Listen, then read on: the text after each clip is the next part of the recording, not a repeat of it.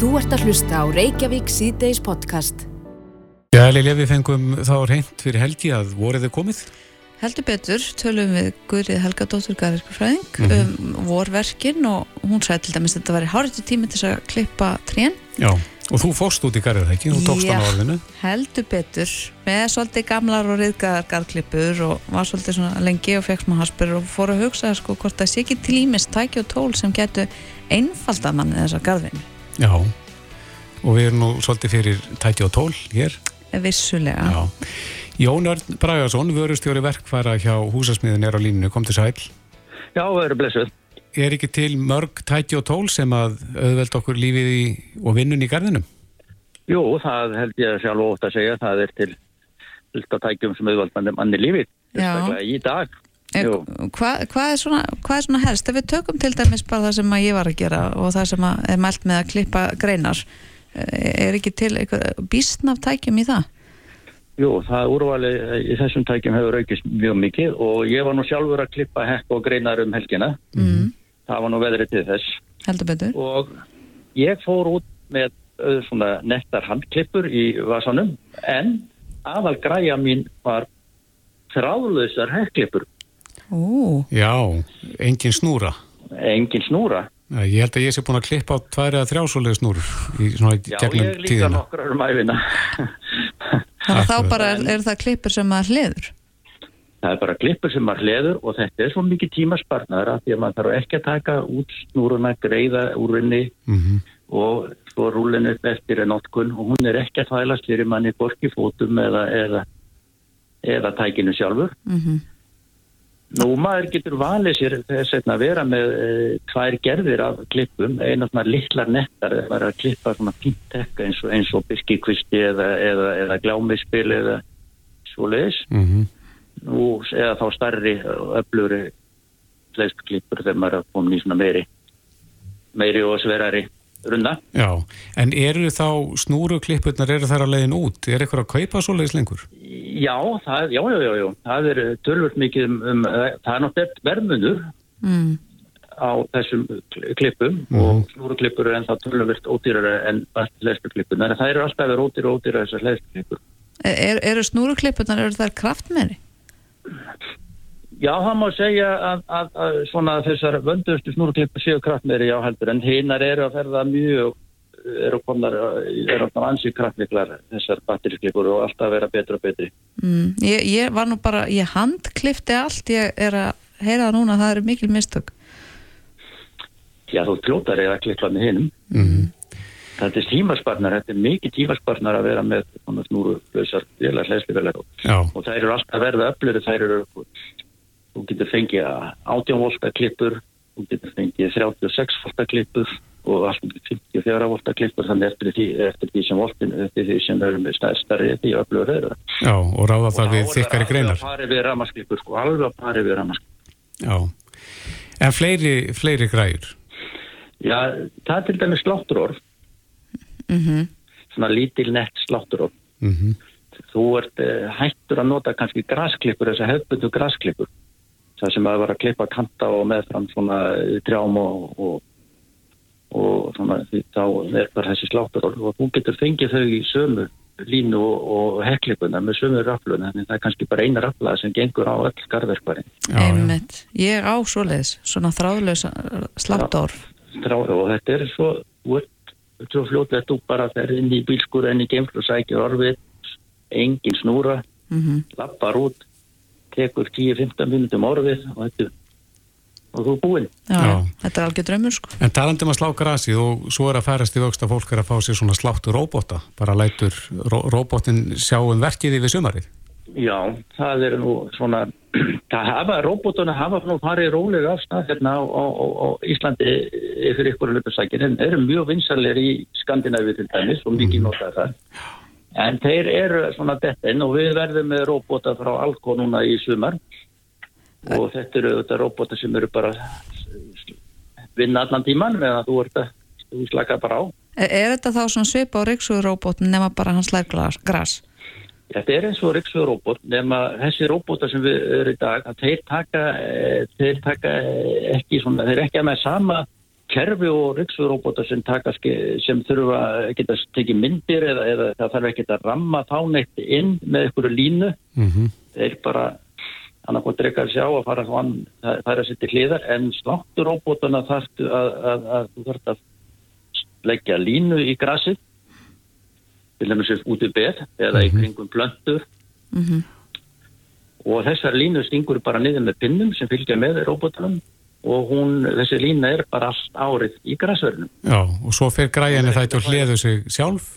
Svo fer græjan og hliður sér sjálf, hún er með svona uh, bílskúr lítinn, þú getur keift á smá svona þak yfir, yfir, yfir leststöðuna, Já, þannig þá fer hún bara þangað inn og, og, og hliður sig og, og það er hægt að fá þessa græjur með Wi-Fi og, og, og Bluetooth, ég veit ekki hvað, þetta er orðið, þú bara stjórnar með símónum og hvað kostar svona græða? já, þetta er margir verflokkar og við verðum með svona græji, þetta er komið í svona 170 skall, Mm. 170 skallur, já. Já, þetta eru dýra græjur en er fólk ekki hrætt við að þessu sé stólið? Nei, það, jú, þetta er hægt að taka upp, en hún lætur vita, sko, og þú getur þá, þú getur þá fundið hana í gegnum appið eða, eða síman. Það er þjóðvörn í græjunni Já, það er þjóða, þjóðavörn á þessum græjum, þannig það, það, ég hef ekki hirt af því að það sé verið að stela þessum græjum og eins er þetta öryggi gagvart gæludýrum og Mm að, að, þú fann ekki að slást við græjuna eða, eða, eða það sér að voða. Þá verði ég að spyrja þig, Jónat, hvort það sé ekki komið svona arvaróbot sem að skinjar arva og, og rýfur hann upp fyrir mann. Já, það væri dásalegt ef að það væri til. En ertu með eitthvað græjur í það? aðal vinnan alltaf í arfanum og, og það er nú ekki, það er nú ekki vinsælt að, að, að nota eitur í dag Nei En áttu ykkur að græjur til þess að berjast við arfan?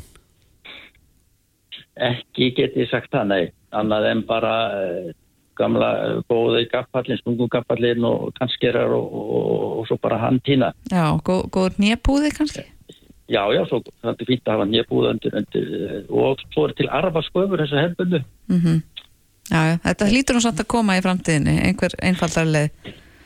já, en svo eru, til, eru náttúrulega til hérna, uh, eru til hérna, svona heitir svona, þess að reynsa kantstein eða, eða hellur, milli hellna. Mm það sem kemur upp mikill mosi og, og, og arfi. Oftast er það nú mosi bara eða íldresi og þá er það svona græja sem hún, hún getur fengið að bæði raflur eða leslu græju eða, eða, eða, eða 200 núru vél mm sem er bara busti. Með virbusta sem er kannski tí, smá, smá breytt sem passar á milli búana á milli káttunahallana og þá, þá bara tætir það upp, já. upp mosan Það er snið, svo reyndar eitt tæki sem ég kynnti síðasta sumar sem er mosatætari á, á, á grasbalan. mosatætarinn. Hann er að koma inn líka núna ég eh, held ég verði nú samt ekki með hann raflu en þær eru að koma líka mosatætarar með uh, hlæslu, mosatætarar en það er alveg bráðnæsilegt tæki. Áður fyrir var nefnilega uh, legðu menn alltaf mosatætarar. Þú veit þessu tæki sem notar ekki svo oft Mm þú notar það kannski snemma á vorin en í dag er bara orðið mjög algengt að fólk kaupi sér mosatætar og Já, já Algjör snildagræða. Breyti lífið minn. Já, já, og þetta er eitthvað sem það þarf að gera á hverju einasta orði, það er alltaf að, að rífa upp mósan. mm En segðu mig Jónar uh, kurlari, svona trjákurlari eru þeir vinsælir? Trjákurlarar eru, já, þeir eru nokkuð vinsalir, þetta eru trjágróður hefur stækkað náttúrulega ótrúlega í borginni, Já, það er, e, að, ef maður horfir bara 20 ára aftur tíma, það er gríðarlega breyting. Og nú er nú þannig að það er tölvöld mikið um það sé verið að pella stór tré í borginni og fólk vill nota trjákurli jafnvel í, í, í, í beðin sín eða, stíga. eða stíga, mm þannig það er vaksandi sala í trjákurlum, já. E e er það mjög, mjög dýrargræður? Það eru græður svona frá svona 45 upp í 65.000 hjá okkur, já. og ráða við töluverða þygt ráða við allt upp í 50-44 mm þygt, já. Já, Greinar. já, Þessi sem við erum að selja, svo eru náttúrulega til miklu öfluri bensíngræður og bensíntæki sem eru meira það sem við nefnum eða fagmenn nota já, já. og, skó, og skóræktin. En er ykkur alveg nýjar græjur sem að svona landin á eftir að taka opnum örmum? Já, ég... Er þetta alltaf sama bara, alltaf?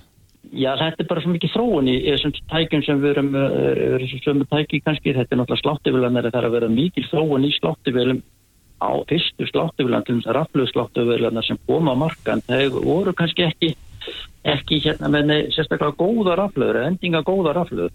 Er það betri í dag? Nikkel kadmíraflöðum og sem voru endur stilla. Nú er allar sláttuður að konu með litjuraflöður. Það er miklu betri. Geimas miklu lengur inn í, inn í bílskóra þegar við þurfum alltaf að geima þessa græðu kannski í nýju mánuð á, á, á ári mm -hmm. á þessa notar. Ágætt samt að hlaða batteri einu sinni yfir veturinn en þetta er miklu betri tæki heldur en það var hennar fyrir nokkrum ára síðan. Já, og við erum að koma núna með sláttivel sem slæri 46 cm breytt og með drifi. Já. Já. Og það er nú gott að vera með drifið stundum. Já, þannig að þetta er einmitt svona þessi hefðböndu tæki og tól nema þau verða bara sífilt betri. Þau verða bara að vera betri og þú getur stilt hraðan á drifin, þú getur þannig bara haft þinn göngur hraða á vilinu en hún hjálpaður, hún tógar í því. Sko. Já. Svolítið. Er fólk byrjað að koma til ykkar og, og vestla gardverkværin? Já, það var bara alls sprengi ekki í vikunni. Það kom þeirra blíðan, við fengum loksins vorið. Já. Já, það er allt, allt auðveldar að það er sólskín. Já, og nú er rétti tímin og það þó fyrir það verið eitthvað að, að, að fara í hekkið og, og runnan og, og snirta á. Nefnitt. Já, mm. endilega, ef þið hafið tíma þann úti, farð út í gard og snirti til hjá okkur. Uh, Jónard Bragarsson, vörustjóri verkvar í húsasmiðinni. Takk hérlega fyrir þetta spjall. Þetta er bara gaman að heyri í ykkur. Takk fyrir sumulegs. Sumulegs, takk. Bless, bless. Já, bless, bless. Þú ert að hlusta á Reykjavík C-Days podcast. Nei, við höldum áfram í Reykjavík C-Days. Það er nú einn fæsla á fjöspókinni sem hefur vakið gríðarlega aðtekli mm -hmm. og gerði það núna í gær. En e, þar er komið inn á mjög viðkvæmt mál sem að hefur verið fjallað svolítið um bæði í dag og í, í gær og bítið fjallaði eins og mitt í morgun Einmitt, hann, hann Samúl Ívar Árnarsson var til vittas í bítin í morgun Bró, og bróður hans Stefán Arnar Gunnarsson hann, hann kvarfi byrjun mass fannst mm -hmm. nýra látin og í þessum pistli og í vittalinn í morgun við Samúl er hann að rekja aðdraðandana þessum harlumleik sem tengist inn á þessi samskipti foreldra við þjálfara barnana sína mm. í Íþróttum og þó hann nefni þarna Íþróstafélagi HK þá nefndi hann það líka að uh, hann vildi kannski ekki tengja þetta beint við HK Nei, þetta vandamáli er náttúrulega miklu viðtakara og, og tegir sér til miklu fleiri félaga.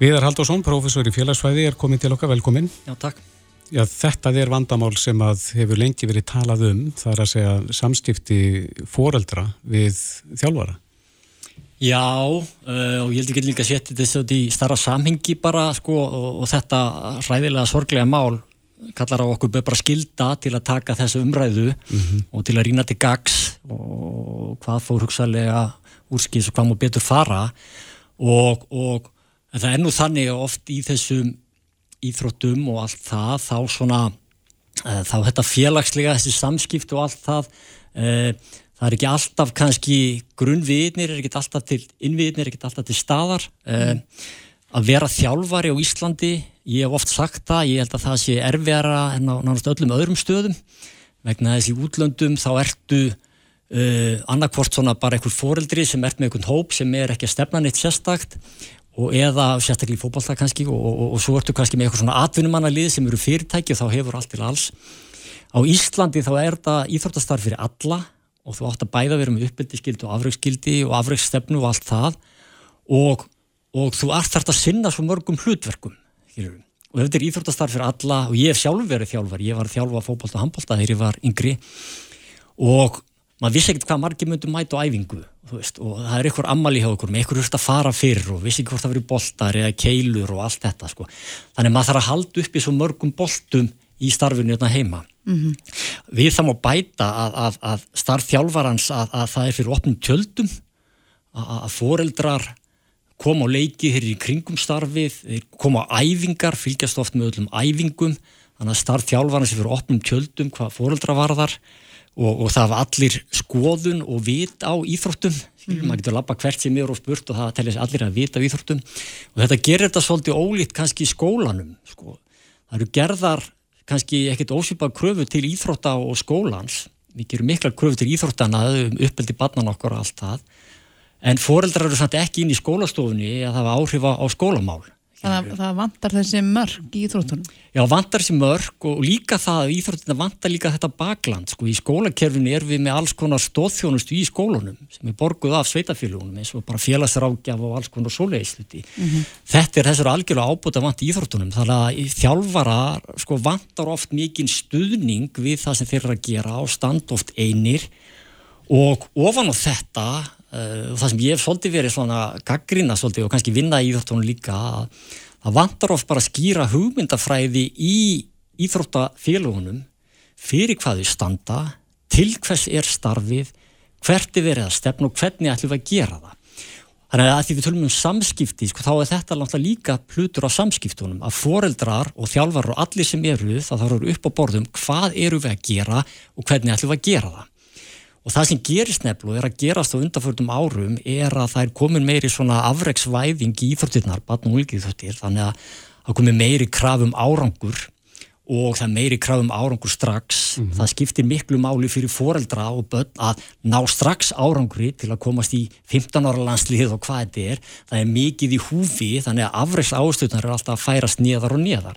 Það setur aukna pressu á allan pakkan að fyrir þá sem að vilja ná langt eða foreldræri sem vilja ná langt þá þarf þetta að gera svolítið strax og börnið er að þurfa að fá þessa meðferð og spila allt þetta og þetta og það er margt svona, hlutir sem spila inn í stóra dæmið. Sko. Það sem er að þvæla svolítið fyrir er að foreldrar hafa sig að mis mikið metnað fyrir hönd uh, barna sinna.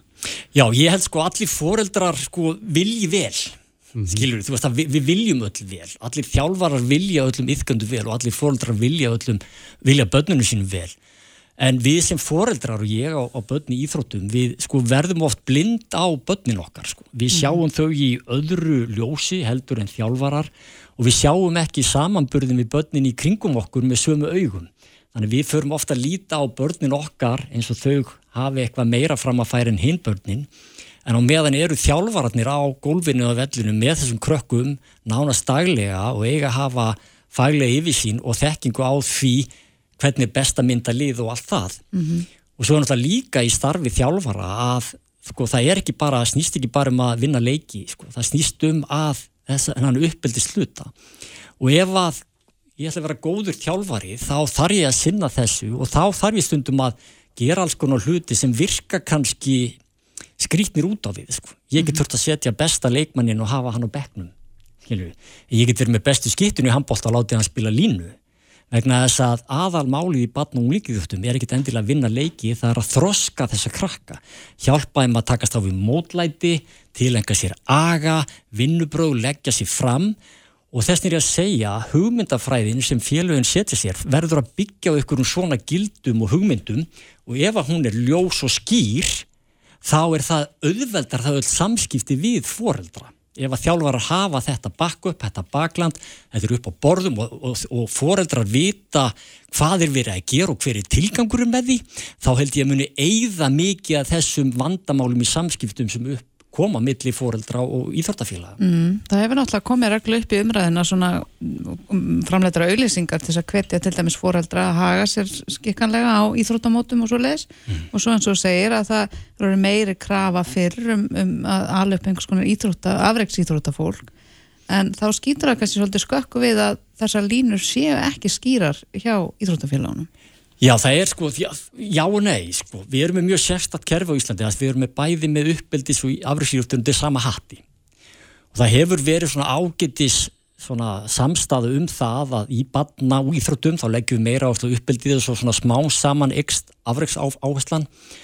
Eh, en almennt séð segja nú rannsóknir og allt það, við hefum ekki verið að leggja mikla áherslu á úslitt til dæmis fyrir en bara 16-17 ára skiljið, svo dæmi séu tekin vegna þess að það er mikill bara þroskamunur á börnum íþróttum og þau þurfa að fá að gera fullta mistökum og prófa alls konar hluti og allt það.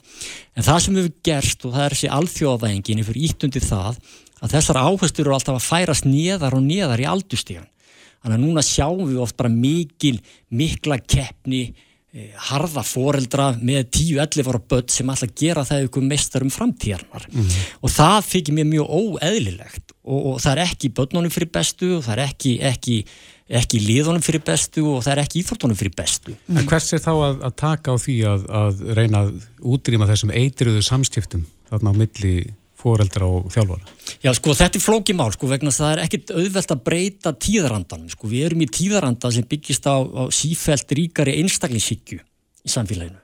Við sjáum það líka í Íþróttunum, það er miklu meira í bóði fyrir þá sem ná langt, það er miklu meira í húfi að komast í landsliðið, atvinnumennsku, yngri landslið og allt þetta, það er gríðarlega mikið í húfi. Þetta er alltaf vaksa og við stjórnum því ekki svo glatt, þannig að það verða alltaf alltaf fullt af fólk í samfélaginu sem vill fara þá leið með hagsmunni barnana sína að brjósti og telur það, það sé best fyrir þau að, að, að, að pressa einhvern árangur í íþróttum á unglingsaldri fram. Og við breytum því kannski ekki svo glatt þessum tíðaranda. Og þess vegna er ég að segja að við þurfum kannski í íþróttarhefingunni og íþróttarfélögun sérstaklega þurfa að setja sér upp mjög skýra hugmyndafræði fyrir hvað stöndum við Og Íþróttur í Íslandi eru íþróttir fyrir alla sem byggir á þessu að það er allir að vera með. Við eigum að leggja upp á þessi gildi að styrkja yfgöndur á allan hátt, félagslega, andlega og líkamlega gegnum íþróttastarfið og aðferðina til þess eru ímiskunar. Það er ekkit endilega að láta besta leikmannin spila alltaf á skorull mörkin. Það er ekkit endilega honum fyrir bestu. Þannig að við þurfum að búa til hugmyndafræði og ég hef gert þetta í einhverjum íþróttafélugum að búa til hugmyndafræði sem er byggð á bara rannsóknum, sem er byggð á best practice, sem er byggð á uh, svona uh, gildum sem eru uppbyggileg og allt það mm -hmm. og hvernig við getum þá hámarka bæði uppbyldiskildin sem og gert þessum þessum yfgjöldum kleiftana árangur sem að hafa eitthvað í það að gera og eru þannig stemt. En hvernig við það komið út það sem að þú hefur Já, þetta er svona svolítið, bara síðustu árum og, og bara þú veist þetta er, getur reyns mjög vel en svo kemur þetta alltaf líka eins og ég var kannski minnast á áður og það er kannski búið að fara í eitthvað svona grunnvinnu mm -hmm. svo er hún ekkit endilega kláru til fulls vegna þess að það er búið að gera þetta og vita ykkur af þessu og þá bara taka önnurverkefni við. Íþróttarhefingin er og íþróttarfélugin eru uh, sko hafa kannski ekki alveg peninga og fjárráð til að gera alla þessu hluti eins og með oft svona félagstar, það vantar peninga í félagstar til að gera þetta almenlega. Ég myndi vilja sjá að það væri einhver íþróttarfulltríu stjóri í hverju félagi, hvernig sem það er, sem hefur mentun, lífsreynslu og þekkingu á þessu sem byggir þetta á þessum gildum. Og hann þarf þá að standa fyrir þessu að vera í þessum samskiptu við foreldra almennt séð, þau þurfum að vera mjög virk, þau þurfum að vera mjög reglulega frá því að krakkarnir komi inn í íþróttirnar og þannig til að fara út. Það er ekki mm. nóg að gera það einu sinni, það er ekki nóg að gera það bara þessu ári, það er alltaf að koma nýjir fóröldrar inn, það þarf alltaf að vera að minna á þetta og það þarf að byggja þessa hugmyndafræði mínum að því miklu sterkar inn í íþróttirnar. En, en getur þetta verið samræmt áallin fyrir öll landinu? E, já, sko, íþróttafélagin er náttúrulega, þetta eru frjálsfélagsamtök og ISI eru náttúrulega með eitthvað reglur um fyrirmyndafélag og eitthvað slíkt sem mætti kannski taka fastar í tökum. Uh, en við sjáum það að það er mjög, og ég þekki það úr írtarfingu, það er mjög mikil munur og áherslu um íþróttafélaga. Hvort þú byrja með harða afrækstefnu sko 12-13 ára eða hvort þú gerir fari í afrækstefnuna 16-17-18 ára. Það er mikil munur á félagi A og félagi B. Og þetta þarf bara að liggja fyrir vegna þess að það eigðir ákveðum miskilningi og, og sko eins og ég sagði sko foreldrar vilja vel skilur, klart mál og, og, og allt það en þeir eru ekki sérfræðingar um íþróttir og þeir eru ekki sérfræðingar um þjálfun og allt það En hvernig á að taka á þessum foreldrum? Það er að segja, ef að íþróttafélagin kæmi sér upp eitthvað svona stefnu, myndi það eh, út af fyrir sig tækla þetta vandamál, þetta samstifta vandamál? Já, ég held það. Ég held að bara, sko, það er oftir að tala um foreldrafandamál, sko, og einn mm. góðu þjálfari sem er að gera frábæra hluti sem ég þekki vel og hann segir þetta, þetta er ekki foreldrafandamál, þetta er samskiptavandamál. Vegna þess að verður miskilingur í samskiptunum og eitthvað slíkt sem að gera það verkum að, að, að hlutinir fara kannski á annan vegið er ætt að fara, sko. Þannig að þetta verður oft svona bara eitthvað sem að er óþart þegar þetta er lengri tíma litið vegna þess að þegar að við getum skýrt út fyrir fóröldurum sem vilja kannski sérhafa börnin sín tíu ára og alltaf gera þau misturum og þá er mjög auðvelt að sína bara rannsóknir og reynsla og þekking sínir það að þetta er ekki besta leiðin fyrir barnið þitt að mhm. líða vel í íþróttum, að ná árangur í íþróttum og veri í íþróttum til lengri tíma skilur við, erum með fullt af gögnum sem sína þetta, þannig að fræðin og vísindin segja þetta allt saman, það er ekki gott að sér hafa snemma, það er ekki gott að, að, að, að yfkendur fái allt upp í hendurnar, það þarf að hafa aga, það þarf að hafa áskoranir, það þarf að hjálpa yfkendum að takast á við áskoranir og kenna þeim alls konar hluti sem reynast þið vel ekki bara í íþróttunum heldur líka í lífunu sjálfu. Mm -hmm. og þetta er alveg skýrt í öllum fræðunum hvað, hvað virkar og hvað er ekki. En þú veist Við erum ekkert alltaf að fylgja þessu, bæði íþjóttafélum vilja stundum fara afreiksvæða meira, en það býður svolítið hættunni heim þegar áherstunum afreiksvæðingur orða mikla, þá býður oft hættunni heim að verða áreikstrar vegna þess að þá snýst þetta meirum einstaklingin heldur en og árangur hans inn á vellinum heldur en að hlúa að hópnum og öllum og íta öllum upp og gera öllum kleifta að komast til manns eh, ef þannig voruð komast. Sko. Já, og fóraldra kannski ofta tíðum skilja ekki hlutverk þjálfara eins og þú varst að fara yfir hérna í byrjun, það er kannski aðeins flóknar og meira baku tjöldin en maður gerir grein fyrir. Já og mér, það er bara eðlilegt sko, fóreldra, ég skil alveg að fóreldra skilji það ekki, skilir ég, ég er fullan skilning á því. Og þess að segja, mér svanta mikið upp á ég get ekki alhæft um þetta en það sem ég þekkir til, þá vantar oft mikið upp á samskipti milli félaga og fóreldra vegna að það þarf líka að kenna fóreldrum ímislegt um íþróttastarfið skilur, ekki mm -hmm. bara yfkjöndunum. Sko. En svo meika kannski uh, félagin sjálf vera döglegri að bakka sína þjálfara upp?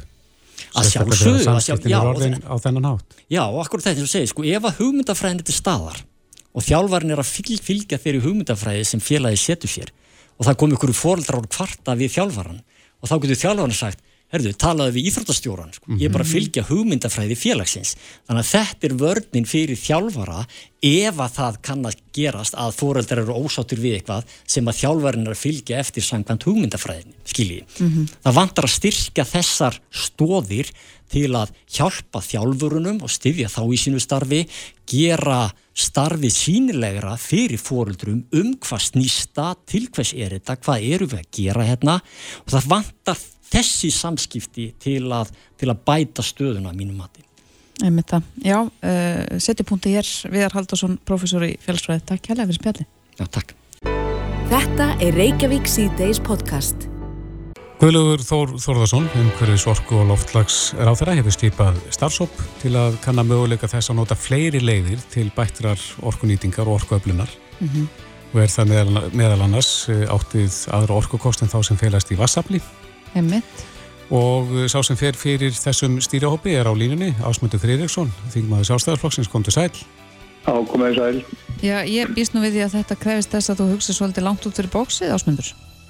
Já, ég er mjög, hérna, þetta er bara mjög, hérna, skemmtilegt verkefni að, hérna, fá að, að hérna, glíma við og, og það er þú segir, sko, ég er fann að hugsa og bara strax allt er um sem ramakældir ekki áður Alltaf eru stingur í samband. Ég, ég, ég, ég hefði nú sagt það eitthvað tíma að ég myndur aldrei geta beðið siggu bara þú átt að nóttinni sko, og setja þóttalinn í ganga til minnætti en nú er ég hefði komin á skoðun og það sé besti tíminn að þú fótt á sko, því að þá er minnst alveg rafaskýrur En hvað fælst í þessu? Það er talað um þarna einhver aðra orkukosti og orkuöflun heldur en sko við erum að nýta í dag Hvað er þetta undir?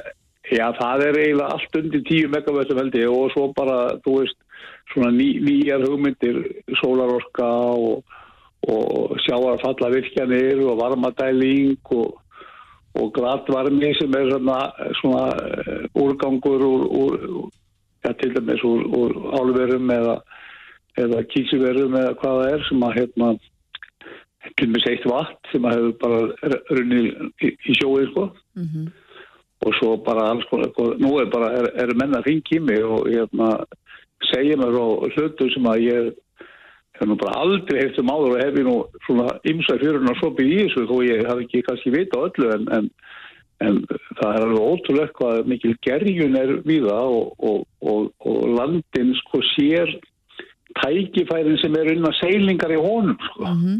Getur þú nefnt okkur dæmi hvað kviknaði þessum símtölum? Já það er Já, það er náttúrulega bara hjá sömum að nýta hérna, orku sem er nála þeim og, og, og auðvitað eru sömum að spurja hvort að við séum að taka á til með stuðnismálum. Og það eru þetta alls konar stuðningu við, við, við það að breyta úr, úr, úr vatni ramagn og ramagn í, í, í annað og svona. Og ramagn er að verða okkur mjög grunni sko. Þó að hérna þó að við teljum okkur eiga nóga ramagn þá vantar ramagn Mm -hmm. en, en við, við erum að nýta það mjög misvel og það er eitt af því sem til með kom mér óvart er að bara innan dagsins erum við að hérna í rauninni að nýta fjóra virkjanir í hátteginu og svo getur við slögt á það myndir háttegi og kveikt á það með aftur í kvöldvatnum Já, við, við, sko, það, það er 200 megawatta mölur og, og, og, og 200 megawatt eru bara það eru marga virkjanir hjá okkur bara 50 megawatt. Mhm. þannig að við erum að kannski tala um fjóra eh, hérna, virkjanir sem að, sem að við getum nýtt betur og, og þess vegna var ég nú að taka þetta dæmi með þóttin á Siggur Mhm.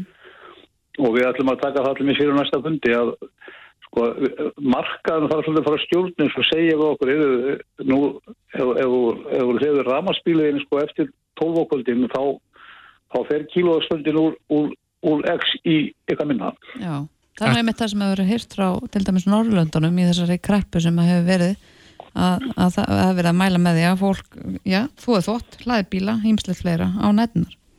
Ég, ég var nú bara í Svíþjóðum um, páskana. Mm ég var fjölskyldur þar og það er bara í, í, í, í Amali á frönda mínum sem er það bara svíi og sonur hans var að flytja inn í nýtt hús sem var byggðið hann í sveitinni og ömmu og afa. Hann setti sólarsellur á húsitt sem er svona 90 fermetrar grunnleiti og ég man ekki að hann sagði mér hvað, hvað hefði kostað hann aukalega. Ég held að það hefði verið svona eina hálf miljón íslenska sko sem að kostað hann til viðbótar að setja upp á þakkið en það er náttúrulega ramarsverðum þá langt um herra hér en, en, en hann sem sagt keirir húsið sitt á, á, á, á nánast á fríu ramagni og sem að býr bara hann- til sjálfur. Já, já, bara sem hann býr til sjálfur og, og, og svo er hann tengdur inn á, á dreifikerfið Mm. og hann selur allar umframorku sem að hann framleiðir inn á dreifikerfið Mhm. og stundu þarf hann auðvitað að fá tilbaka þegar er- eru algjör dagar fólulesir og lítilbyrta en, en að jafnaði er, er þessi frendi minn að selja raforkuina kerfi fyrir 100.000 kallar mánuði Það hann hefur tekjur út úr þessu líka. Hann hefur þær tekjur sko og fyrir ung fólk sem er að byggja og, og ég var nú bara að hugsa, þetta er byrð sveit og þú veist Kristófur að við sveitarinn er svolítið dýrt framagni, flutningskostnaðin og sem er þetta leggstón og allt saman. Já. en, en ung fólk upp í sveit sem er kannski að, kaupa ramag fyrir og með hita og öllu fyrir hvað, 70 skallar mánuði að ef að það getur svo hérna verið með sólarsill og þekkin og, og framleitt fyrir þessi ramagni á stóru hluta Mm að því það þarf náttúrulega eitthvað smá batteri líka til þess að hlaði ná ef það er hægt. Og, og selur svo inn á kerfið kannski fyrir 30, 40, 50 þúsund Mhm. á döða tímanum á náttinni Já, að, að, þá, þá er það fólki raunin að hafa eitthvað rúman 100.000 á mánuði út úr slíku framkvæmt Já, það er kannski einhverju sem er að hlusta sem hugsa að ríki myndi þá bara taka allan gróðamanns. Það er ekki að passa að regluverki í kringum þetta sé þá og nú, núna erum við náttúrulega sko hérna, um, hérna orkumólar á þeirra og, og Guðlur fór var, var bara þingflóksundi á þann að kynna þessar nýju hugmyndur um, um vindorku, vindorkuna og nefndin kom á fundin og skýslan kemur út á miðvikudaginn og við vorum að fá svona frumsýningu á því sko. Mhm. svona snögg svona frumsýningu. Og, og, og, og ég vil bara segja þessu að það er alveg ótrúlega mikið að gerast í þessu hjá ráðherranum, Móna Gulla, núna Gullui Þór og hann er með, með þessan enn sem við erum í hérna ég og Lilja Rafnei hérna gamli góði vesturringurinn okkar fyrirvændi hingmaður og Gullu Helga Áskjöstóttir sem er líka með okkur áhuga manneskjum þetta, sjávaröldsvæðingur Mhm. og, og hérna og, og það, það er alveg sko, stór skemmtilegt að sjá hérna þessa hluti og, og, hefur er er að passa sig á því að, að leita svona, eftir svona, svona víðu spektrumi þegar hann er að velja fólk og, og hérna og þar til mér séu tveir gamli þingmenn og Björst Ólafsdóttir og, og, og, Óttar við okkar, Broppi og, og þannig að hann er ekkit að fara eitthvað flokkslínu við því, hann er, hann er bara fyrst og fremst að reyna að ná fólki saman sem að, sem að geta að skila eitthvað svona niðurstöðu sem að er það líklegri til þess að, að, að sé svona uh, svona blandi póka fyrir alla. Já, ég stil. En ásig, ég, að því að þú nefndir hérna sólarsellur á þann, Já, er það ekki bara dögt dæmi hér á Íslandi, það sem að sólinn skín nánast aldrei? eh, það er nú reyndar sko, þetta er þungskið hérna stundum, en við þekkjum nú að, að það er nú ansi margi sóladagar samt sem áður. Og, og, og, og mér skilst nú að, að, að, að, að hluta að þá sé svona bara góð byrta að, að hún, hún líka gefi eitthvað af sér en, en þetta er þetta fyrst og fremst sterk sól. Ég kann ekki alveg nákvæmlega, ve- veit ekki nákvæmlega hvað línan er dregin í því sko. En, en, en, en þegar þú getur sem sagt verið tengdu til með sinna kerfi og þarna, þú þarf alltaf að vera það þess að það komið þetta döði punktar og það er auðvitað það sem er í, í, í sólinni og það er líka í vindminulum að, að, að og landsvirkjum hæði stað þetta ef að, ef að, stór, ef að koma hennar stóri vindmilugarðar og, og það verður ekkit virkjað á móti að þá, þá eiga þeir ekki bakkup til þess að hérna, einhver aðili getur fara að, að, að selja rávorku allavega í stórum stílskilur Nei. að því það vantar bakkup á móti því sko og, og, og, og þess vegna hafa menn talað um það að hér á landi við höfum lendi hérna í snjóléttum veturum og, og, og þá er lítið af vatnarsumrin og það er skamta ramagnir eða forgangsorkan er, er, er ekki seld og, og hérna en þa þannig getur vindmilur og vindorka, nei vassorka spilað vel saman. Mm En hvað með eins og náttúruvendina? Spilar hún inn í eh, starf þessa starfsóps? Já, algjörlega og, og hérna, hún er mjög mikilvæg í þessu og, og þessuna er eitt af hlutokörnus vindmjölu nefndarinn að það er að, þessu að því viljum við hafa þetta í, í, í stórum görðum, viljum við hafa þetta drift á stöðum eða viljum við segja að, vestmiða sem að vil hérna skapa sér rafmagna, hún verður ná bara að hýsa sjálf vindmjölunar, bara í, í, túnfætinu hefur sér sko. Þannig þetta er svona hluti sem við þurfum að skoða og sjá hvað er best fyrir okkur. Það eru líka innviðir í landinu sem að skipta máli í þessu, vegir og brýr og annars líka þegar kemur að því að leggja nýja línur. Já. Þannig það þarf að higgja svona að mörgu með þetta og, og, og þetta sem við erum að pæla í að, að hérna, sjá að falla orka, það, það er örgur svolítið í hana en, en, en hún er náttúrulega sko, það er gríðalegt hérna, gríðalegt tæki verið hér við land þegar að þessi tækni verður komin á, á þá stað að, að, að sé virkjanlegt og, og ég var að heyra eitthvað um hverjum í dag sem að hérna, tengjast í hérna haughús og þeir voru að byrja um að fá að koma í nefndinu og kynna og þetta er eitthvað bara, bara alveg líkt að ringdi við bóndi morgun sem er að láta að skoða þetta og, og þannig að Hvað nýttur þú þá í, í, til að búa til orku þar? Já, það er hérna hérna, hvað heitir þetta sem kemur úr úr hérna hérna Það skýtur inn úr Nei, nei, nei, nei, þú veist hérna gassið Að metan? Metanið, metanið já, maður maður er bara komin á aldur, maður bara hann heimallur já, bara þá, þá, var það, það knúið áfram að metan í, ykkur hverfli sem að sem ég kann ekki skýra, því hann alltaf að koma. Hann, hann var ekki alveg sjálfur nákvæmlega klár með það, Nei. en, en, en það er eitthvað svona nýtt sem að geti nýst bændum. Já. En þú er greinlega komin á fullt en, en það er einn spurning hérna sem að þættinum barst. Já, þú taldur upp þetta fína fólk sem að er með þér í stýriofnum en, en það er spurt, er ekkert fagfólk úr orku geiranum sem er í þessum stýriofni?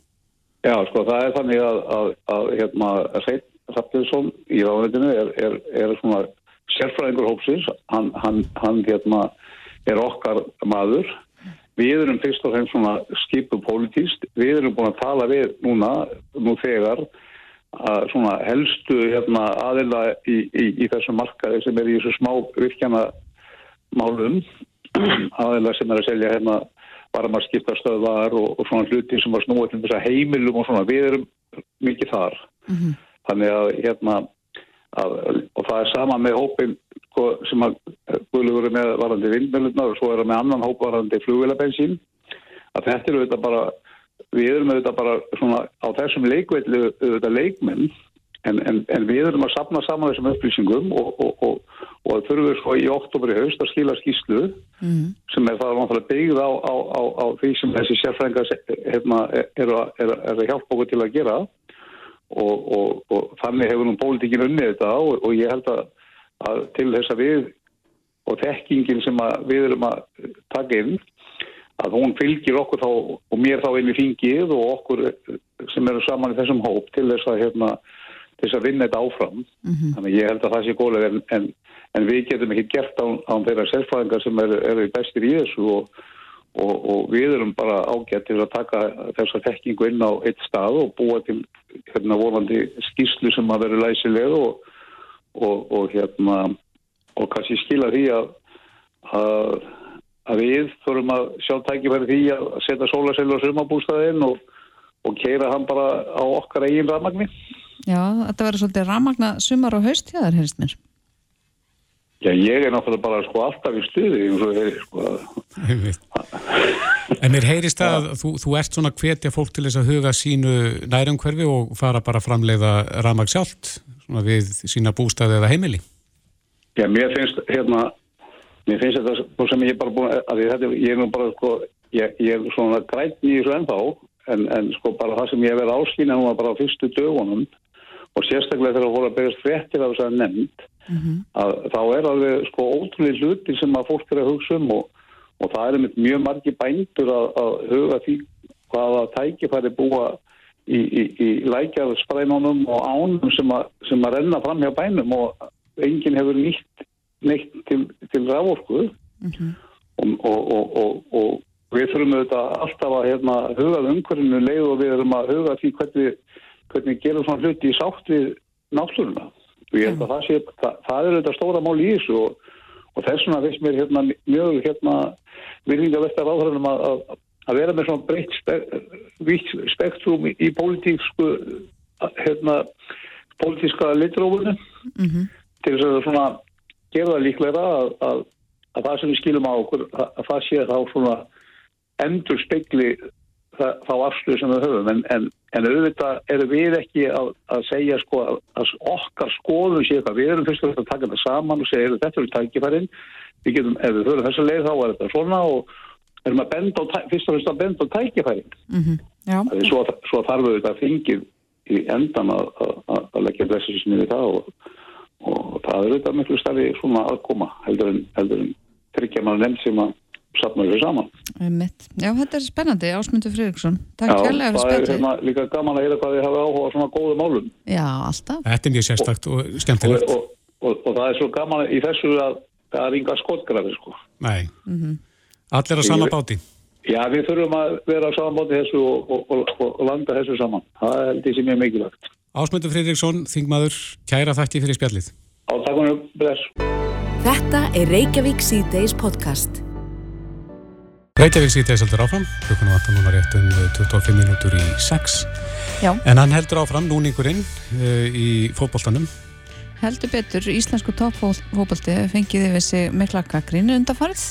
Það verist halla á hlut kvennaboltans í bestu deild kvenna mm -hmm. og Já, misgefið á milli bestu delta Kvenna og Karla. Nýjasta dæmið er já, meistarakefni KSI, þar sé að leikur vals og stjórnar í Kvennaboltanum sem að fer fram á sama tíma og búið að búa til myndatöku fyrir kynningarefni fyrir bestu deildina og eins og gefur að skilja þá konurnar geta nú alla mætt á tvo staði á sama tíma. Einmitt. En e, til að ræða þetta mál við okkur er hún á línunni Anna Þorsteinsdóttir, fórseti Hagsmunarsamdagen Knaspinu Kvenna, kom til sæl. Helverið. Já, þetta hefur farið öfugt ofan í marga. Já, eðlilega og þetta er kannski svona bara svolítið fullt svona, við erum búin að gera talsum mörg mistök svona senstu vikurnar og senstu mánuði þannig að mælunum alltaf bara fyllist og, og hann gerði það auðvitað hjá fyrirliðanum. Mm -hmm. Örliti með þessum mistökum sem eru bara mistök eins og Elisa fyrirliði valsaði gæri sjónsveitan að þá þegar mistökunir og hans, hansi mörg í rauð þá þá bara fyllir smælið. En hvernig er það hjá íslenskum toppfóbolta? Eru ekki fulltrúar úr begja vegna, sérst, úr kvennaboltanum og kallaboltanum sem taka þessar ákvarðanir í saminningu?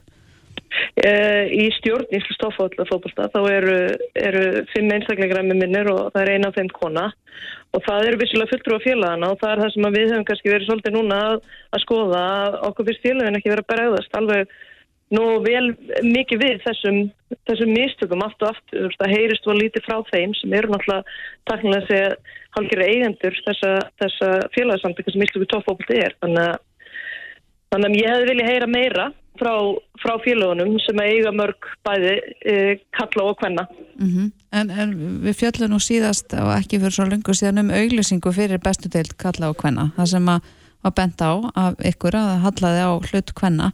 Hvernig hefur íslenskur topphópulti brugðist við og líka bara í ljósi nýjustu fregna? Við, ef ég var alveg hreinskilin þá væri við alveg til í að sjá sterkar viðbröð frá þeim, bæði þegar auðlýsingin var og hérna kemur þegar við gerum aðtóðsendur, við gerðum aðtóðsendur fyrst við þá um það og við hefðum alveg viljað sterkar viðbröð þar.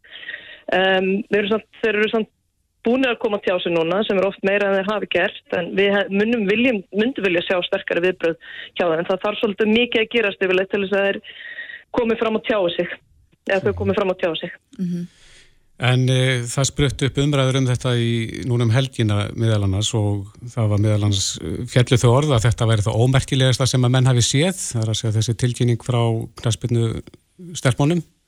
Já, já og, og tvent sem ég langar bara í fyrsta lagi að segja við það er, er bara fyrsta lagi það óbúslega jákvæmt hvað fólk blöskræði þetta þessi skilabóð sem að koma frá fyrirvænt framkvæmstur á KSI en lýsi kannski líka því sem við erum að horfast í auðu við að, að þessi einstakleiku sem að finnst þetta svo afskaplega ósmekklegt að hann var við stjórnvöldin í KSI hans í lengi og, og, og við alveg hvað menningu og við við erum að, að hérna kljást við. Já, þú ert að tala um Þóri Hákonarsson sem er núvarandi starfsmæður í TF. Já, allavega einhvers konar starfsmæður og, og, og vinnur eitthvað fyrir þau. Ég veit ekki nákvæmlega hvað hann mhm. gerir en, en hérna, já, og, og svona segir ímislegt um miðforfið sem við erum svolítið að klást við og eins og ég segi, við erum ekkert að segja að þetta sé kannski, þú veist, þú veist, þetta er bara svona viðhör sem eru gild og hefur verið og við kannski fattum það ekkert stundum og þetta kannski lísti svolítið því sem við erum að berjast við. Mm -hmm. Og það, það sem þið hefur verið að berjast við í gegn tíðina hefur náttúrulega ekki alltaf ratað upp á yfirborðið. Nei, alls ekki og, og þess vegna eru við náttúrulega bara sem samtök afskaplega ána með það, þær viðtöku sem við fáum með þessari ábyrtingu sem við gerum með auðlýsíkuna að, að fólk svona átta sig á því að þarna eru bara að gera mistök og, og það verður svona umræða og svo taka við Pétur náttúrulega þjálfur í vals er búin að vera tjásu og svo taka fyrirleðandi núna núna svolítið slægin líka án þess að við séum eitthvað að koma því. Þannig að veist, við erum bara svolítið að stíga saman og, og, og núna einhvern veginn er bara, veist, það er bara tækifæri núna til þess að horfast í auðu við karlæða menningu sem að ríkir í kannastundu heiminn. Mm. Er, er þetta hægfara breytingar sem er, er eiga sér stað? Ég myndi segja að þetta veru vonandi byrjun á einhverju sem að við sjáum kannski einhverju almenna breytingar því að við erum í svolítið stöðunum akkurat núna. Það er margt gott sem hefur gert og, og frá því að ég spilaði fyrir fyrir sko 15 ára, komið 15 árum, það hefur margt breyst og það er alveg sínileginu meiri, umfjöldinu meiri og það er bara frábært. En það er svona ákveðin stöðnun innan félagana, þú veist, við höldum að við séum svo óbúslega góð í jafnbrettinu en við erum ekki alveg átt á því að það er bara ímislegt sem, sem að verður að breyta, sem að krefst bara eins meiri innri skoðun hjá okkur öllum. Já, en Anna, hvernig er aðsóknin á leiki í kvennaboltanum? Hún náttúrulega mætti alltaf verið betri en hún er ekkert sérstaklega góð heldur kalla meginn. Þú veist, þetta hefur bara verið landlegt vandamál senstu ára að það, fólk er ekki að mæta á leiki og þetta snýst alltaf síningar eftir sjónvarpi. Mm en, hérna, en það er líka bara, þú svo þess að þetta mæti ekki en þetta er að gerast í Európu, það er að fylla velli og þetta er að gerast og þú virkilega vilt leiðis að gerast, þá getur þú gert það mm og mér finnst líka alltaf svolítið gott í þessu benda á á stríðsárunum á senustöld þá fóru konur að spila hópulta í Breitlandi og svo þegar stríðið var búið og konundar voru farin að fylla vellina þá hvernig hópulta bara bannaður út af því kallarnir að þetta var að spila aftur. Þannig að þú veist það hefur alveg verið þannig að, að það hefur verið horta konur og, og þessi markaslögumann sem er alltaf verið að vísa í þau, þau eru mynduð eftir að þetta var bannað mm -hmm. aftur, þú veist hver er sangjarnin í því? Þannig að Þannig að ég held að við séum bara komin á þann stað að núna verður við bara þóra fjárfesta í, í hérna kraspinu hvenna líka mm -hmm. og þóra það. Mm -hmm. En umfjöllunin um hvenna kraspinuna, hvernig finnst þér hún vera? Þú veist, það má náttúrulega alltaf gera betur uh, út af því að hitt náttúrulega skora meira núna en það alveg, hefur alveg verið grettist taki í því. Ég menna, þú veist, uh, eh, nýðlæri sem fókbaltspunktinni hafa alltaf passað sig að fjalla um, um bæði uh, hérna kannu og kalla boltan og, og þar alveg hefur það haft eh, hérna, jákvæð áhrif aðra miðla uh, við erum komið hlaðvarp sem að fjalla bara hvernig hópulta heimaðöllin, þannig að það hefur óbúslega mikið gert þarna og þess vegna hefur við svona hagsmunarsamtökinn fyrst og fremst verið að einbita okkur að sko hvað er að gerast í félagunum, hverju þarf að breytast til þess að við höldum áfram. Mm -hmm. Já. Þannig áhugin er til staðar, svo sannarlega, á hvenna fókbaltanum en það þarf að gera aðeins betur. Já, þá þarf að leiða þeim að vera fyrirmyndir eins og Elisa bendir á í viðtælunum sína, skilur, að, að ef það er vanta í auðvilsíkarnar, þá virkar þetta ekki. Mm -hmm. Vistu, það þurfu að fá að vera ábyrgandi líka og við þurfum að lofa að leiða þeim að vera ábyrgandi. Ég vona bara að samskiptin uh, millir knaspindu kvenna og íslensks toppfóbalda batni. Já, ég ætla að hafa trú á því að það, þetta sé allt einhvers framfarskref þó svo að það sé kannski svolítið alltaf í kringu það núna en ég hef að fulla trú á því að við getum öll gert betur. Einmitt að. Anna Þorsteinsdóttir, fórseti hagsmunarsamtaka Knatsbyrnu Kvenna. Takk hjálpa fyrir spjalli, gangi ykkur vel. Já, takk fyrir allar mæta völlin. Já, nákvæmlega, 100%. Ok, bless, bless. Reykjavík síðdeis á Bilginni podcast. Já, heldum áfram í Reykjavík það er klukkuna vantar 11 myndur í 6 og það hefur verið uh, kveikt á ný á umræðu uh, um já, transfólk uh, varðandi grein sem barnaskóla, barnaskóla kennari á Akureyri skrifaði fyrir stuttu í morgunblæðinu mm -hmm. veltiði upp hvort að samtökin 78 gerist brotlega við barnavendalögum með sinni fræðslu og fórsvarskona samtakana 78 var hér í bítunni í morgun mm -hmm. og svo rákust við á mjög áhugaverða grein sem er inn á vísi.is og er byrt í gær að raugræða við rætið innræti sem, já, drefur á ymsu er tengist þessu máluflokki. Já, og svo sem skrifa pistilinn er komin til okkar Arna Magniða Dangs, e, leikona, e, áhættuleikstjóri, kennari og meira meistarinnum í kynjafræði og er í, með marga hatta, velkomin. Já, já, marga kjóla, já.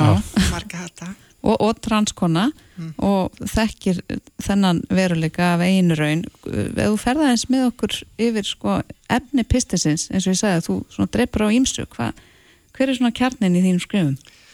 Já, kjarnin í mínu skrifum er unni veist, þessi ástæðuleysi ótti um, og það getur verið út af alls konar hlutum ég menna að fólk óttast það sem það þekkir ekki og ég tel að það sé mjög mikilvægt að rattir transfólks heyrist meira.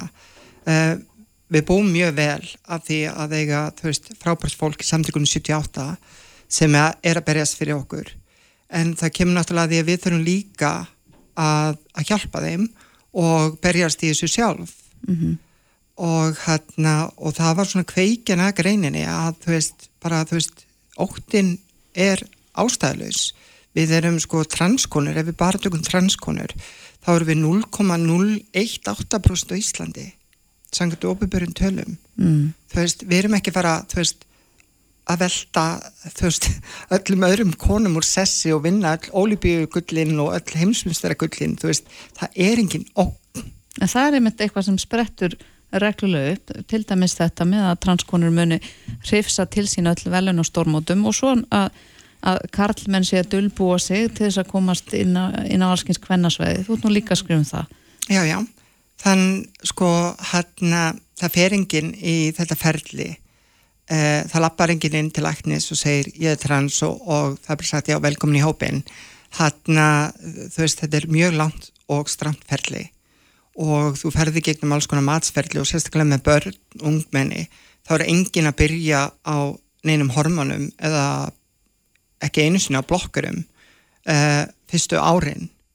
Það eina sem að er verið að leifa transbörnum er að fá að vera þau sjálf. Veist, það er það eina sem er verið að leifa, skipta um nafn, skipta um fornafn leifa um að klæða sig eins og þau vilja og ekki gleyma því að hvert einasta svona, hvert einasta fullorið transeinstaklingur í dag var einu sinni transbarn sem fekk ekki vera transbarn. Mm -hmm. það var innræting allstæðir í kringum þetta viðkomandi transbarn sem að reyna að breyta því bara á mjög harkalega og sásökafullan hátt í gagginett síðs barn og ef það er ekki hægt að breyta transbarni eins og ég segi greinni með vondu og verra þá er ekki þetta að þú veist breyta einhverjum sem er síðs og streyt í trans þannig að fræðislan er aldrei að vera nýtla mm -hmm. þú ert mhm. aldrei að fara að breyta neinum og kallmenn er ekki að fara þú veist, kallmenn sem ætla sér annar borð að nöðga, þeir eru ekki að fara í gegnum þú veist, uh, margra ára ferli skurðaðgerðir, hormonameðferðir til þess eins að geta farið í sund með konum. Þeir bara riðjast inn. Mm -hmm. Það stoppar þá engar. Mm -hmm. En þessi titill á pislinum að raugraði við rætið innræti, viltu meina að, að þetta sé sprottið út frá uh, rætnu innræti hjá þeim sem að gaggrina? Já, sko, það er náttúrulega stór hópur fólk sem bara þekkir ekki transfólk að, og ég segi það í píslunum líka, það er bara þeim er vorkun uh, og hérna ég er fulla saman með því það er bara, þú veist, það er búið að ala ákveðnum óta í hugum fólks. Uh, það er búið að búa til einhverja grílu, það er búið að búa til eitthvað skrimsli og hræða fólk. Þessi ógnalega transkona, þessi hættulega transkona um, og sem er ekki fótu fyrir. Þessu fólki er vorkun en síðan er annað fólk á bakvið þetta fólk sem er viljandi að koma fram með falskar upplýsingar uh, og það uh, í raun og veru hefur örgla margar ástæður fyrir sínu hatri. Um, það er nýleg grein sem að byrjast í bandaríkjunum sem að var uh, verið að tala um að sko mikið af þessu hatri er sprottuð frá evangelistum og þetta er trúalagsheðlis og þeir vilja bara í raun og veru útrýma allir sem samsvarar ekki þeirra lífskoðunum mm -hmm. og transfólk að því að við erum svo rosalega lítil minnuleita hópur liggjum vel við höggi. En það er enginn að segja það að þeir stoppa á okkur, þau munu að halda ámfram þau munu, þú veist, fara uh, í alla sem eru hinsegin á einhvern nátt og alla sem eru öðruvísi á einhvern nátt þú veist, hatrið stoppar ekkit bara, þú veist, á einum stað uh, það má segja henni að í þessari hatusherfur sem er í gangi þá er transfólk eins og kanarifuglin í kólanáminni við erum rauninni þú veist fyrst til að fara og ef að við köpnum ef að þeim tekst að útrýma okkur þar sé okkar kynsla transfólki þú veist þá fara það bara eftir hinnum hópanum. En það mun alltaf fæðast transfólk alveg eins og það hefur alltaf fæðist örfend fólk. Mm -hmm. og vísitinn hafa enga þú veist, ennþátt að dag þrátt verið ótal rannsóknir þá hafði ekki komast að neittni niðurstu akkur fólk fæðist örfhend en það er engið sem vefingir þá staðrind í dag að það sé þú veist, bara líffræðilegt frávik.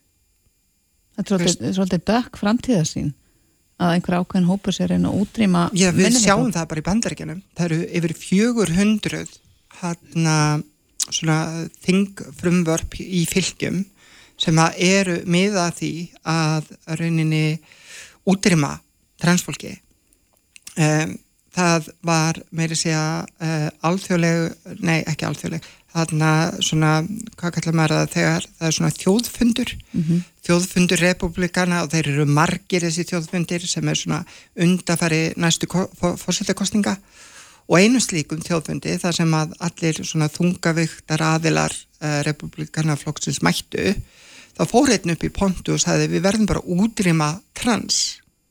Uh, hann var gaggrindu fyrir þetta og hann sagði ég er bara að tala um að útrýma trans sem hugmyndafræði. Ég er ekki að tala um að útrýma trans fólki en trans er ekki hugmyndafræði. Við erum fætt svona. Þú veist, ég er hérna ég er til uh, ég er lifandi sönnu þess að það er til trans fólk. Ég er ekki einhver góðsögn ég er ekki einhver mýta. Og hérna og þegar þú segist alltaf útrýma einhverju, þá ertu náttúrulega að tala um fólki sem eru á bakviða en svo þú gætir ekki farið í, í viðtal og sagt ég, ég ætla nú ekkert að útrýma geðingum, ég ætla bara að útrýma geðingdómi mm -hmm. þú veist þú talar ekkert svo leiðis Rétt aðeins í lókina því að við erum að falla á tímaarna uh, stöndu við Íslendingar okkur vel í málefnum trans? Uh, Íslendingar standa sig uh, vel að mörguleiti og mun betur margaræðu þjóðir þar sem að við stundum okkur illa í augnableikinu og vonandi er það að breytast það er þegar kemur að heilbúristjónustu transfólks. Eh, Beðlistan er alltaf lengjast og, um, og fólk sem er að býða eftir kynstaðfestandi aðgerðum mm -hmm. að sko opiböru tölur tala um 6 til 12 mánuði mm -hmm. en þú veist ég þekki enga transkonu sem er ekki búin að býða þú veist minna en 23 ár Við verðum að setja punktin hér. Já, Arna Magna Dansk, takk helga fyrir spjallið og við bendum fólki á þennan pistilin á vísi.is. Já, takk helga fyrir mig. Hlustaðu hvena sem er á Reykjavík C-Days podcast. En við ætlum að kíkja út í hímingeimin, það eru nokkrar fréttir uh, sem við höfum reykist á upp á síkast þessum að tengjast hímingeimnum og okkur langar til að bera undir amalistrák dagsins. Sævar Helgi Bragarsson, vísendamiðlar á línunum, kom til sæl og til hafmyggjum amalið. Já, kæra þakki fyrir það. Takk fyrir að taka síman á amalstæðin. Já, ég bara, það ég aldrei nefn við spjallum geimin, sko. Það er alveg örugt. Akkurát, við nýtum okkur það. Já, endum að gera, bara eins ofta við getið. En hérna nýjasta fréttin sem við rakkumst á, einn á deva.is, var, var, var nýlendu væðing Mars, hugmynd sem kemur frá Elon Musk? Já, hún er svo sem ekki frá Elon Musk svona til að byrja með en hann hefur sett svona fram kannski ekki við kallaða drauma um að koma á fót eh, kannski svona miljón manna borg á Mars eh, spúr 2050, ég hef aðeins fyrir mm -hmm. og eh, sumi vilja meina að það sé bara svona einhver draumórar, já, en aðri vilja meina að það sé bara freka físilegt og tími verður bara leiðileg ós hvað gerist. Já, hvað segir þú? Er, er þetta raunhæft? Ég er ekki alveg samfærður um að þetta er raunhæft, kannski fyrst og síðast vegna þess að okkur skortir náttúrulega eins og sagistanda í dag bæði eldflug og búna til að ferja bæði fólk og byrðir allavega til Mars. Mhm. Mm -hmm. Ferðalega til Mars er líka eins og langt, það tekur alveg kannski 69 mánuði þegar styrstir á milli Mars og Jörðar og ferðalagið sjálf þar sem þú þarf að koma heim tilbaka aftur þá ertu kannski þrjú orði gemnum. Mm. og þegar við komum svona langt út fyrir segjúls og jærðarinnar þá ert í umhverfi sem er eitthvað skadlegt mannslíkamannum bæði e, rýðna vöður og bein og svo verður mannslíkamann fyrir alveg gífurleiri gistlun sem við höfum ekki ennþá í dag allavega að tekna til þess að verjast mm. þannig að það verður ansi snúið og strempið það setjast þarna að e, ég held að við fáum fyrst kannski bara fólk sem að ferðangast í rannsóknulegangur en ég er ekki alveg að sjá það gerast að við fáum eh, miljón manna borg á massa árið 2050 og það væri mjög áhugavert. En er einhverja aðra plánutur sem er kannski líka betur við að, að nýlendu veða? Í svona plánutum solkerfisins þá er, eh, ok, þá er Mars lang hendugust, því hún líkist jörðinni kannski ekki mest, vil þó að Mars sé, hugsa ykkur svona versta mögulega stað á jörðinni mm. og Mars er tíu svona verður en hann no. það er sérst skítakuldið þarna það er ekkert áhugavert að finna á Mars þar að segja að maður ætlar að lifa lífum þar en það ætlar að rannsaka plánundun sjálf og hvernig hún hefur breyst þá er náttúrulega virkilega áhugaverið staður en þarna er vatni frósið og að miklu leitir vatni líka blandað við efnum sem eru tærandi eins og efnum sem þetta perklorat og það þarf að reynsa það á vatninu á þess að áður með verið drikkjahæft mm -hmm. svo er ekkert mikið um henduðan í arðaveg til þess að rækta matvæli sem dæmi þannig að fyrstu marsbúðnir verða algjörlega háðir í örðinni til að byrja með það minnstu gust að meðan þið setja starrað og reyna að breyta plánunni. Já, e, að því að þú ert nú mikill áhuga maður um heimingeimin og allt sem á honum Já. snýr ef að þér byðist nú að, að verða með þeim fyrstu sem að þarna settist að? Já, ég, sko, að því að þegar maður búin eitthvað fjölskyldu þá vandast þetta málið. Og því það ef ég myndi fara í marsverð þá er því fjarrri Uh, strákunum mínum teimur og, og konu í þrjú ár á minnstakosti mm. mm. en ég kemur auðvitað heim með, með sögur af einhverju mesta æventýri sem mannkinn hefur nokkuð tíma lagt upp í þannig að ég þurfti að ræða það mjög vel og vandlega við mína ástöðinu að ég fara á stað en ég væri svo sannarlega til ég að fara í ferðalæðið og lappa þarna um eðumörskina svona riðurröða og horfa upp í heiminn þarna og ég bara að horfa heima og bjarta stjórn á heimlunum sem eru í öðun okkar Það getur ekki bara búið fjölskyldinu með? Jú, það var náttúrulega ekkert verða sko. Reyndar fyrir, kannski klára skóla fyrst eða kenna þeim bara leðinni en svo reyndar önnurplándi, ég glemdi minnast á það. Það er, hafa líka verið sett að fram hugmyndir um að setja uh, á lakirna einhvers konar skíaborgir á Venusi. Og Venus er náttúrulega svo plánandi sem líkist í örðinu mest hvað starf var þar En hvað áttu við með skíaborgir? Já, þannig að á yfirborðið Venusar, þar er næstu því 500 stegi hitti og það er þrýstugur það hár að ekkert endist þar, ekkert svona engin svona rafbúnaðar en eitt svoleiðist til þess að halda okkur lífi, en í svona 50-60 km hæð yfir yfirborði Venusar, þar er hitast í skíunum eða andrumsloftinu bara svona cirka kannski 20 gráður eða svo, bara frekar notulegt og þá hafa uh, svona verkfæringur og vísindamenn sett fram hugmyndir um það einhver tíman í framtíðinni. Gæti mannkynum byggt sér uh, svona uppblásna skíaborgir kannski bara svona svipað eins og Bespin í hérna, Star Wars mm. þar sem að Lando Calrissian sveik uh, Luke og Co. ég veit ekki hvort þið munið til því í bestu Star Wars myndinni en það er strax bekk en það er eitt lítið vandamál og þar er uh, það, það að í skínum er, er brennisteinsýra og hún er náttúrulega askaplega tærandi þannig að við þurftum að hafa borginnar okkar úr einhvers konar svona plastefnum sem eru ekki sem höndla brennisteinsýruna. Þannig að það er líka þessin og alls ekki detta niður úr borginna því þá þetta niður í 500 gráð heitan ofn. Þannig að En okkar langar að berundi því aðra frétt sem er verið ágónst á og hún tengist kannski ferðalagi til Mars að einhverju leiti að þú segir að það taki þetta langan tíma Einmitt. og það eru vangavelti manna og hér er talað um sko að það sé hægt að leggja af stað í tilraunir á fólki eftir tíu ár að Já. geimfarar þeir einfallega bara leggist í dvala í lengri Já. tíma og meðan að til dæmis ferðalagi til Mars stendur. Einmitt, þetta er eitthvað sem við séð náttúrulega í svona vísendaskóldskap og bíómyndum þar sem fólk bara fer inn í einhvers konar hilki og er bara einhvern veginn svæft eða hægt líkamstarfsum með þeirra. Og svo er það bara vakið eftir einhvern ákveðin tíma þegar á leiðarenda er komið. Og ég er náttúrulega ekki nú vel að mér í hérna, hvernig lífæðarsfræði mannslíkumans virkar en það eru fullt af svona hugmyndum uppi um að reyna þetta allavega að gera einhvers konar tilrunir og hver býður sér fram í að leggjast í svona dá, ég veit það ekki En, en vonandi er þetta líka eitthvað sem er, ég held að sé kannski tíu ár sé frekar bjart sínt, en mm. hver veit hvað skilningur okkar verður eftir nokkra ára tíu eða ár hundrið þá því hvernig við virkum og hvernig hægt er að svæfa líkamann og á þess að drepa okkur hreinlega, heldur bara að leggja okkur í dag og, og hérna hæja á líkamstarfseminni, þannig að við getum lifað af ára tuga eða ár þúsunda leðangra. mhm. Já, svo var enn önnur grein eh, varðandi það að hér sé stór móðuskip stort móðuskip geimvera í sólkerfinu okkar og sendi lítil geimför í rannsóknarleðangra til að rannsaka plánutuna okkar. Já, það er, sem sagt, þetta kemur komustundum upp í uh, fréttum á netinu. En fyrir, fyrir ekki, er- þetta er ekki einhver sem heldur þessu fram, þetta er bara hátsettum aðurinn að Pentagon. Já, já, og svo er endar annar hérna stjárnöðsfræðingur hérna hjá Harvard Háskóla sem ég ætla að minnast á sem heitir Avi Löf og hann er náttúrulega með frekar mikinn trúverðuleika þannig séð og hann vil meina það að þegar að uh, nöttur sem var lænið sem vindill og heit- heitir Umuamua uh, kom inn í sólkjöru okkar fyrir nokkrum ára síðan og fór fram hjá sólinu á svona parabólu, bara svona slingvæðst fram hjá sólinu og út aftur.